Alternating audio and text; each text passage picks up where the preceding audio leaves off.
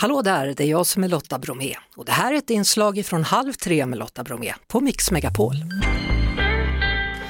Ja, det har blivit dags för bytt är bytt och nu tänkte jag faktiskt, eftersom du sitter mitt emot mig Niklas Mm. Ekstedt, rekommendera för alla som kanske inte har sett det då, Crazy Delicious, ett program som du faktiskt var med i själv. Tack! Ja, Är det det du rekommenderar? ja det gör jag faktiskt, Jaha, vad- för tack jag så jättemycket. tycker det var helt otroligt och jag- Ja. Mm. det kan man ju se på när som helst, det behöver man ju inte. Verkligen, och det ligger ju kvar på Netflix liksom, så att man betalar säkert för det utan att veta om det, så att det är bara att klicka in. Vad var det som var så kul att vara med i det programmet? Ja, Ah, det var en helt surrealistisk resa alltså, men framförallt så var det ju, i vanliga fall så går man ju in i en studio och så är det ju liksom någon trött draperi och så någon slags logga som blinkar i ena hörnet, men här hade de ju lagt allting på studion. Så istället för att det skulle vara bara en backdrop så skulle det vara en del av programmet. Så att, eh, jag tror att 60% av hela budgeten gick på dekoren i tv-programmet. Och det, det ni fick äta då, hur var det egentligen? Ja, det var ju speciellt liksom för att det var ju väldigt, lite grann typ som en, kan tänka dig typ Strawberry Fields Forever blandat med Willy Wonka.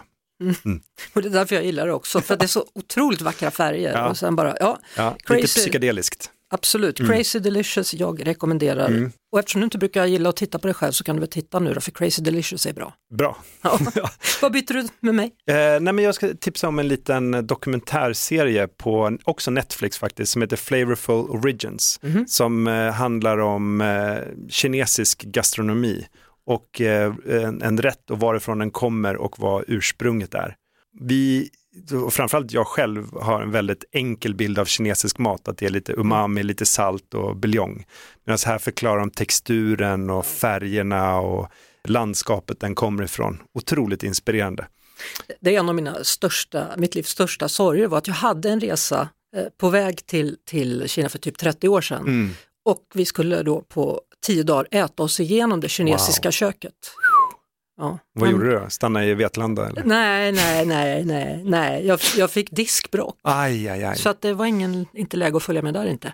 Aj då. Men det hade varit Ja. kul att äta sig igenom det köket för det är ju tydligen fantastiskt. precis som du Otro, säger. otroligt kök. Ja. Och eh, i väst är den väldigt förenklad. Så att eh, det, den rekommenderar Hur, hur ofta går du till Chinatowns och sånt? Om man är i New Eh, York eller ofta. London? Jag var där Ja. senast nu i somras, jag, vi var i San Francisco eh, på semester med familjen och då hängde vi ganska mycket i Chinatown och i Mission Street också som är också är kinesiskt inspirerat. Så att det är ju faktiskt ett väldigt bra tips faktiskt om man inte, nu är det ju också problematiskt och svårt att åka till Kina så att Chinatown, och i, även i London har en jätte, jättefin Chinatown. Mm. Så. Och även i Manchester kanske? Och eller? Manchester också, absolut. Så att det, är- det är det är bra tips faktiskt.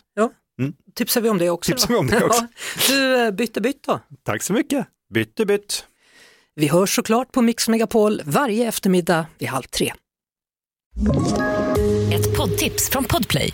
I podden Något Kaiko garanterar östgötarna Brutti och jag, Davva, dig en stor dos skratt. Där följer jag pladask för köttätandet igen. Man är lite som en jävla vampyr. Man har fått lite blodsmak och då måste man ha mer. Udda spaningar, fängslande anekdoter och en och annan arg rant.